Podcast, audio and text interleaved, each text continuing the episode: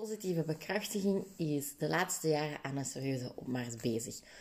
Je hoort het vaker, mensen trainen er vaker mee. je ziet aan de Instagram-accounts dat er zijn, de instructeurs dat er zijn. Er zijn er ook veel meer geworden. Um, en bijvoorbeeld ook als er op Facebook een vraag wordt gesteld ergens, dan wordt positieve bekrachtiging ook vaker als op mogelijke oplossing voorgesteld. Um, en dat was een paar jaar geleden helemaal nog niet het geval. Maar niet iedereen is even correct, om het zo te zeggen, met zijn terminologie. En daarom wil ik het vandaag daar wat over hebben. Uh, wat meer uitleg geven over het verschil tussen ja, positieve bekrachtiging, wat dat, dat juist is. Het verschil met negatieve bekrachtiging komt ook wat aan bod. Maar vooral het verschil tussen positieve bekrachtiging en cookie on top. Want dat zijn twee manieren van werken dat toch nog wel vaak ja, samen worden genomen, alsof dat ze hetzelfde zijn. En dat is niet helemaal waar, want het is niet omdat je met een snoepje werkt dat het ook positieve bekrachtiging is.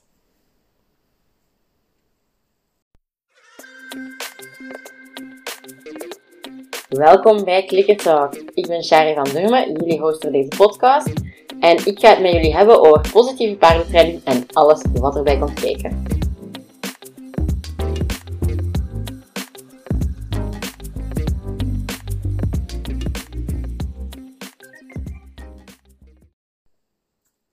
Dus zoals ik in de intro al zei, positieve bekrachtiging is een term dat je steeds vaker hoort. Um, het wordt vaker aangeraden. Er zijn, als je kijkt naar het aantal instructeurs, veel meer dan pakweg drie jaar geleden.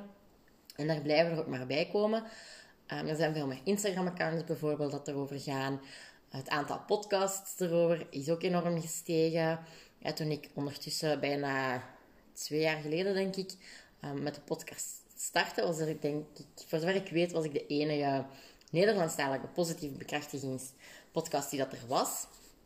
En nu zijn er nog veel meer bijgekomen. Um, wat dan natuurlijk goed is, hè, dat is teken dat de beweging dat we in gang hebben gezet, dat die effectief in gang gezet is en dat het aan het groeien is. Dus dat is alleen maar goed.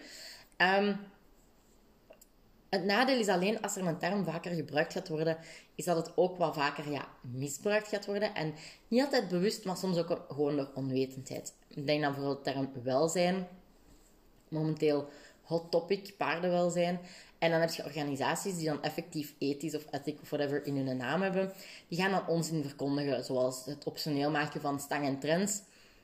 Is niet goed voor het paardenwelzijn. Dat, is, dat gaat paardenwelzijn verminderen ja, het, het toch niet verboden. Dus wie, wie ervan overtuigd is dat paarden wel zijn... Allee, dat voor, hem, voor zijn paard effectief wel het beste is om daarmee te rijden, die kan dat nog altijd doen. Maar wie zegt, het is voor mijn paard niet de beste keuze, ik wil alleen met een simpele trends rijden, die, dat, die keuze geven zou dus blijkbaar niet goed zijn voor het paardenwelzijn. En dat toont dat is voor mij een duidelijk voorbeeld van hoe dan een term een beetje ja, misbruikt kan gaan worden. En op die manier ook zijn waarde gaat verliezen, eigenlijk. Um, en hetzelfde ziet je ook gebeuren bij positieve bekrachtiging, bij positieve bekrachtiging en klikkertraining. Zo gaan mensen bijvoorbeeld gemengd werken of cookie on top werken en gaan ze het dan ook positieve bekrachtiging noemen, omdat ze er een koekje in steken. En het is niet zo simpel. Het is niet omdat je paard een koekje geeft of een geeft of wat dan ook, dat het ook positieve bekrachtiging is. Um, en ik zie dan mensen met een zweep zwaaien en tikken en doen. Um, sporen, bitten, you name it. En dan wordt er gewoon ook een koekje gegeven. En dan noemen ze dat positieve bekrachtiging. Dan geven ze les in positieve bekrachtiging. Dan gaan ze echt adverteren met kijk mij eens met positieve bekrachtiging werken. En ik zeg zeker niet dat dat per se vanuit een, een slechte positie komt of vanuit een slechte ja, wil of wat dan ook. Ik denk dan bijvoorbeeld ook aan, er is ook een Grand Prix-ruiter dat dat ook doet, ehm, die dat dan ook zegt met positieve bekrachtiging te werken. En enerzijds is dat dan wel goed, hè, omdat zij geeft dan wel een beetje de, de naam, wat bekendheid. Zij, ze brengt het out there, ze zorgt dat meer mensen ermee in aanraking komen, dat ze zien dat koekjes geven, dat dat niet alleen is voor de ja, simpele vrijheidsdressuur dingen die daar geen nut hebben, om het even zo te zeggen. Um, dus daarvoor is dat wel goed. Uh, maar tegelijk doet het ook een beetje afbreuk aan de term op zich. Want hoe dat er dan gewerkt wordt, is gewoon niet puur positieve bekrachtiging. En het is eigenlijk eerder cookie on top, maar dat wordt dan zo niet benoemd. En dat maakt het gewoon ook heel verwarrend voor mensen. Want wat is nu wel positieve bekrachtiging, wat niet? En daar wil ik met deze aflevering een beetje bij helpen. Um, dat je zelf ook een beetje ziet van ja, wanneer is iets gemixt werk en wanneer niet. Want het verschil is niet altijd zo duidelijk. Zeker niet als je gewoon het eindproduct ziet. En dan gaat je niet altijd zien wat dan nu juist de, oh, allee, wat dat de, weg er naartoe is geweest. Kunt je iets super mooi hebben, iets dat er super vrij uitziet, maar dat dat mij super veel dwang wordt aangeleerd. Dat kan. Maar je ziet dat niet. als, er is zo bijvoorbeeld een, een bekende um, paardentrainer die dat dan ook shows doet en zo. Ehm, en oké, je kunt wel zo subtiele lichaamssignalen zien, maar op het eerste zicht ziet dat er wauw en vrij en samenwerking, connectie, al dat. Ehm, maar dat wil niet zeggen dat de weg er naartoe er ook zo uitzag. En dat maakt het dus soms ook een beetje moeilijk. En ik wil daarmee niet zeggen van, als je niet met positieve bekrachtiging werkt, dan traint je fout of zo. Dat is niet wat ik wil zeggen. Maar ik wil gewoon dat de termen wel juist gebruikt worden. Zodat er, dat het gewoon duidelijk is wat dat ermee bedoeld wordt. Ik ben heel erg van het principe, noem een kat een kat. Werkt jij met straf? Kijk, geen verrassing dat ik niet zo ben. Veronderstel ik. Maar ik ga het zelf niet doen. Maar ik heb zoiets, als jij dat inzet, dan zet je dat in, maar dan moet je daar ook eerlijk over zijn. Dan moet je daar niet zoveel bla bla en mooie termen rondhangen. Zeg gewoon wat dat je doet. En datzelfde vind ik ook opgaan bij positieve bekrachtiging. Werkt jij met cookie on top? Fine, you do you. Ik kan u niks verbieden. Maar noem het dan geen positieve bekrachtiging als het dat eigenlijk niet is. Um, ja, dus kleine ja, dingen van wat dat er gaat komen, uh, deze aflevering. En ik had het dus al gezegd, ik wil dus met deze aflevering maar helpen dat je het verschil tussen de twee beter kunt zien. En ik zei al, op basis van het eindresultaat kun je niet zien of dat iets uh, met positieve krachtiging of met cookie on top is geleerd. En zoals ik ook al zei, je kunt misschien wel kleine dingen in lichaamstaal zien. Maar zeker als je gaat kijken naar shows en zo, is dat niet per se relevant. Want dat kan zijn dat dat paard op een hele stressvrije manier is getraind. Maar dan zet je die op een show en dat is gewoon een stressvolle omgeving. Dus de signalen dat hij daar op dat moment toont, gaan niet per se iets zeggen over de weg er naartoe. Ik hoop dat dat wat duidelijk is wat ik daarmee bedoel. Um, en je moet dus eigenlijk altijd gaan kijken naar het aanleerproces. Hoe hebben ze dat aangeleerd? Vaak worden trainingsmethoden vergeleken op basis van het eindresultaat. Maar ik ben er zeker van dat je met elke trainingsmethode elk gedrag aangeleerd kunt krijgen. Maar het eindresultaat is voor mij eigenlijk bijna bijzaak. Dat is uiteindelijk wel waar dat je naartoe traint, maar dat is voor mij niet het belangrijkste. Mij maakt dan niet uit wat je kunt met je paard. En ik ben ook helemaal niet impressed door mensen die kei veel kunnen met hun paard. En al ja, ergens wel natuurlijk, hè, want je hebt natuurlijk ook wel skill voor nodig en zo. Maar dat is niet wat, dat, wat dat mij impressed maakt. Ik ben impressed als mensen hun doelen even op pauze kunnen zetten in functie van hun paard. Als mensen hun doelen aanpassen naar hun paard.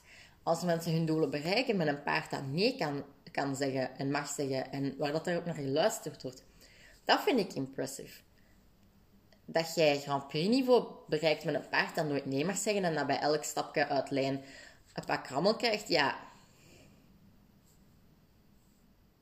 nee, sorry, ik ben niet onder de indruk dan. Um, en dat is wat er ook bedoeld wordt met de uitspraak effectiveness alone isn't enough. Um, ik denk dat die van Susan Friedman oorspronkelijk komt. Um, de weg er naartoe is voor mij nog veel belangrijker dan dat eindresultaat. Het is niet gewoon het werkt, want ik, ik behaal mijn doel. Het werkt, want ik krijg het gedrag aangeleerd dat ik wil aanleren ik leg de lat hoger. Ik wil en dat gedrag aangeleerd krijgen, en het op zo'n manier kunnen doen dat, het dat mijn paard ook beneficial is, dat mijn paard ook er goed uitkomt. En dat mijn paard ook zichzelf kan zijn en nee kan zeggen en weet ik veel allemaal. Dat vind ik ook belangrijk. Voor mij is dat een en-en.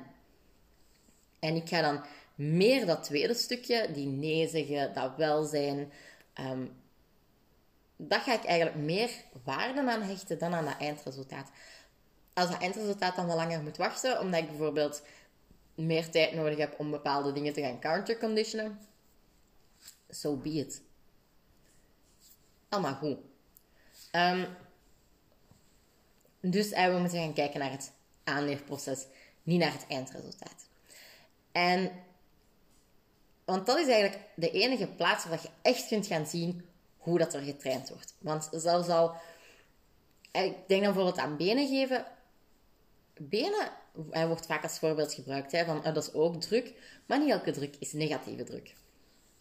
En je kunt ook perfect een tactiele cue aanleren, zoals benen geven. En dat, zonder dat dat benen geven op zich een, een aversieve ervaring is voor je paard. Zonder dat dat voor je paard vervelend is dat je benen aangeeft. Dat kan. Helemaal mogelijk. En op die manier heb je dus eigenlijk twee keer dezelfde hulp. Een hele lichte beenhulp. Maar die weg daar naartoe kan gigantisch anders zijn. Als je dat met targets aanpakt en stem cues en all of that. Of je pakt dat aan met telkens de zweep erop als ze niet reageren op je been. Je eindresultaat zal hetzelfde zijn. Je weg er naartoe is heel anders. En als je, voor mij het duidelijkste is om te gaan kijken van, en je hebt de aanleerfase, hoe dat mensen iets aanpakken. Stel nu dat je daar um, de beloning gaat weglaten, en de twee bekrachtigers gaat weglaten, um, dan gaat er vaak eentje zijn dat het meeste doorweegt. En als je een van de twee weglaat, gaat je vaak zien dat de kans bestaat dat je manier van werken niet meer gaat werken.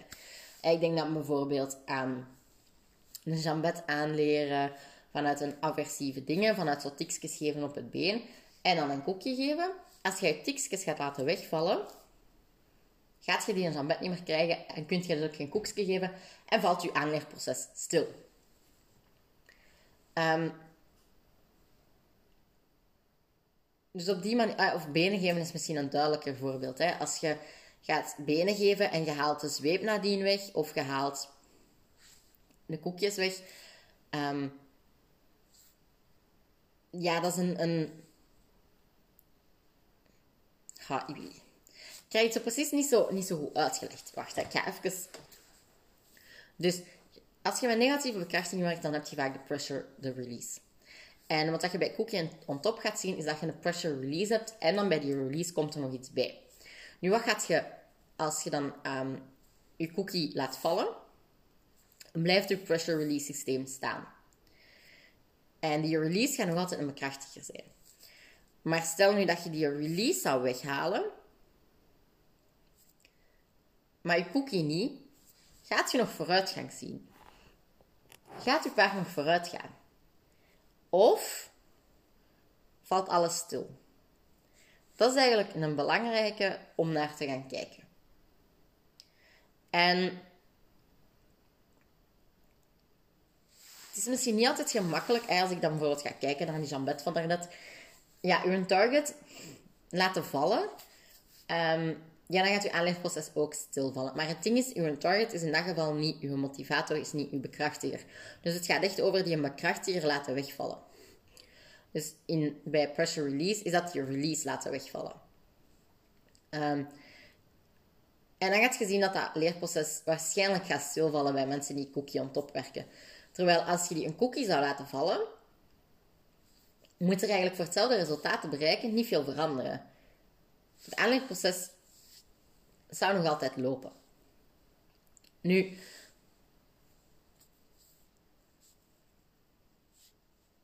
die koekje on top, wat dat eigenlijk wil zeggen, is dat dat gewoon je koekje een extra is voor je paard. Het is iets leuk, het komt erbij. Maar het is dus gewoon niet essentieel voor het leerproces. En dat is het verschil met positieve bekrachtiging. Daar is je bekrachtiger, de positieve bekrachtiger, is wel essentieel voor het leerproces. En dat is het grote verschil voor mij tussen cookie on top en positieve bekrachtiging.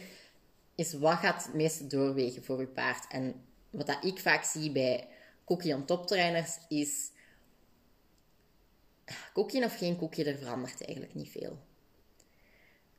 Terwijl als je echt positieve bekrachtiging gaat trainen en gaat je koekje weg, dan gaat je ook heel je trainingsmanier moeten aanpassen. En dat is een beetje wat ik daarmee bedoel. Dus ik hoop dat dat wat duidelijk is. Ehm, maar het is moeilijk om uit te leggen zonder dat ik echt zo iets kan voordoen of tonen. Maar ik hoop dat dat, dat, dat duidelijk is.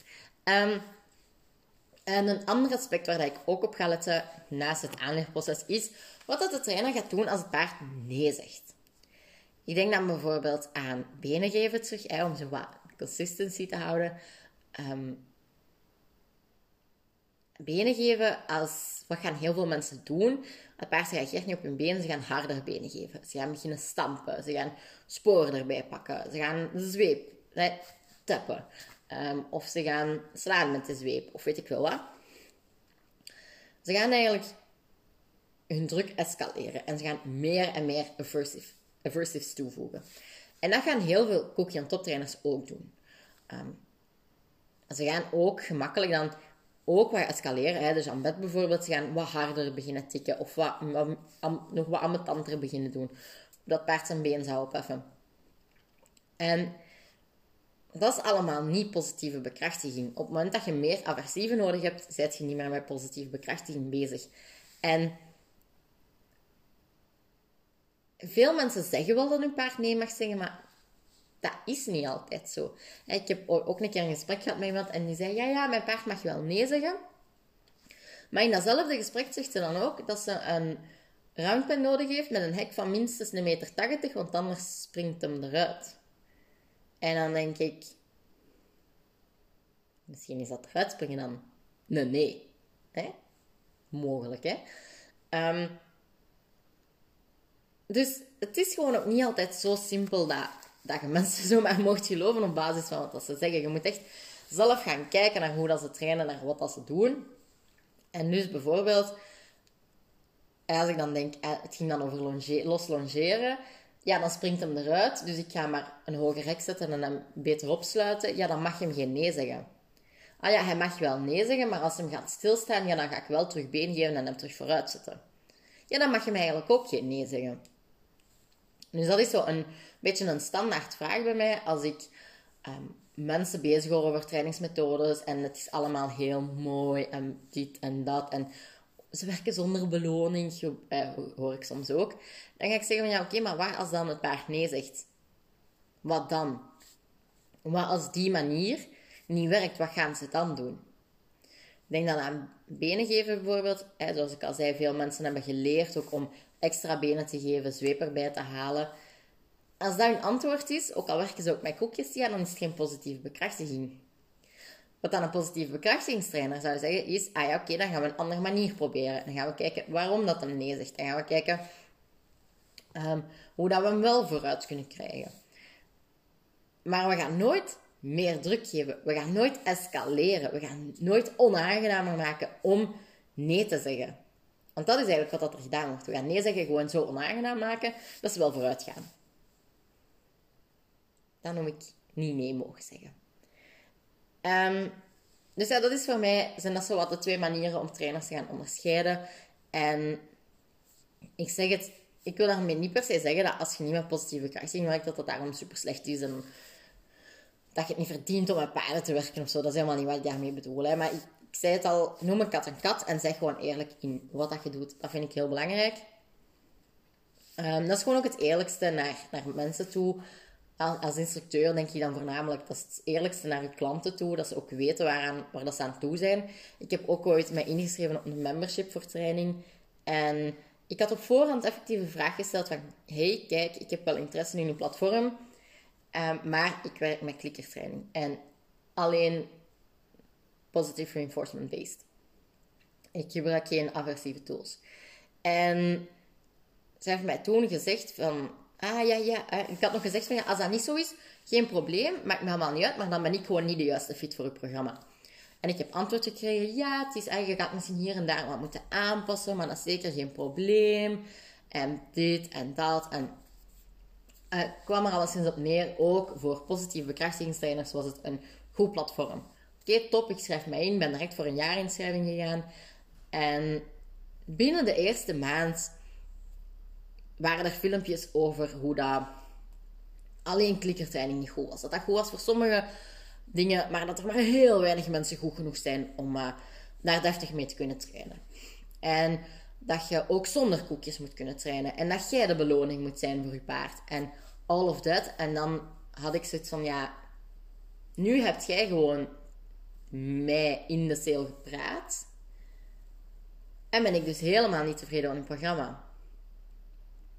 Terwijl als jij gewoon eerlijk waart geweest en eerlijk tegen mij had gezegd: hey, kijk, sorry, als je echt pure positive reinforcement-based werkt, dan is dit niet het juiste voor u. Oké, dan had je die, weet ik veel hoeveel, 100 euro, ik weet al niet meer hoeveel dat was.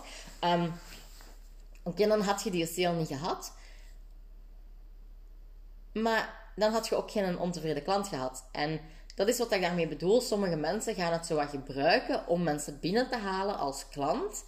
En dat vind ik gewoon niet oké. Dat moet je gewoon niet doen. Je moet duidelijk zijn wat dat je doet. Als mensen bij mij komen en zeggen: Oh ja, ik wil gemixt werken. En ik wil niet gewoon puur positief reinforcement-based werken. Op zich oké.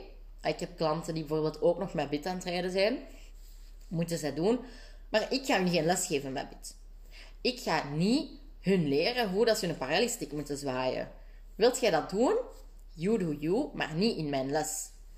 En ik vind dat belangrijk dat mensen dat weten, dat mensen niet bedrogen uitkomen. En dat is wat ik eigenlijk met deze aflevering wil bereiken. Ik wil dat jij positieve bekrachtiging en cookie on top beter kunt onderscheiden. Zeker als je op zoek bent naar een instructeur bijvoorbeeld, naar iemand om je paard te trainen, ehm, naar een programma om te volgen, naar iemand om shows te komen geven op je evenement. Weet ik veel. Ehm, maar ik wil gewoon dat jij weet waaraan dat je begint en dat mensen eerlijk kunnen zijn tegen u, vooral. Maar stel dat ze dat niet zijn, dat je toch er zelf wat kunt doorkijken, zodat jij niet achteraf bedrogen uitkomt. Dat is eigenlijk wat ik wil bereiken met deze aflevering. Ik hoop dat dat gelukt is. Moest het nog niet zo duidelijk zijn, mocht je mij zeker een berichtje sturen. Dan ga ik proberen het wat beter uit te leggen. En ik kan niet beloven dat dat lukt zonder effectief voorbeelden te tonen, maar misschien dat ik dan nog er een YouTube-video over maak of zo. Uh, dat zie ik nog wel, hoe dat ik dat dan doe. Uh, maar ik wil daar dus zeker nog meer over zeggen als je dat wilt, als je dat interessant vindt. En als je het daar wat mee eens bent, mocht je deze aflevering ook zeker delen met anderen. Of als je zegt van, ah, ik ken wel mensen dat er ook mee geholpen zouden zijn om dat verschil wat beter te zien. Dan mocht je dat uiteraard ook altijd met hun delen. Dat was het voor deze week in Klikkerzaak. Ik hoop dat je het een fijne aflevering vond en dat je er natuurlijk ook iets uit geleerd hebt, want dat is uiteindelijk wel de bedoeling van deze podcast. Als dat het geval was, neem dan zeker een screenshot, deel die op je Instagram stories en tag me dan ook zeker, zodat ik het zeker zie, op atchargd.ekelis. Heb je nog vragen of eventueel onderwerpen of personen die ik in de toekomst zeker nog aan bod moet laten komen, mag je mij dat ook altijd laten weten, zowel via Instagram als op mijn e-mailadres shari.klikkerfijn.be. Tot volgende week!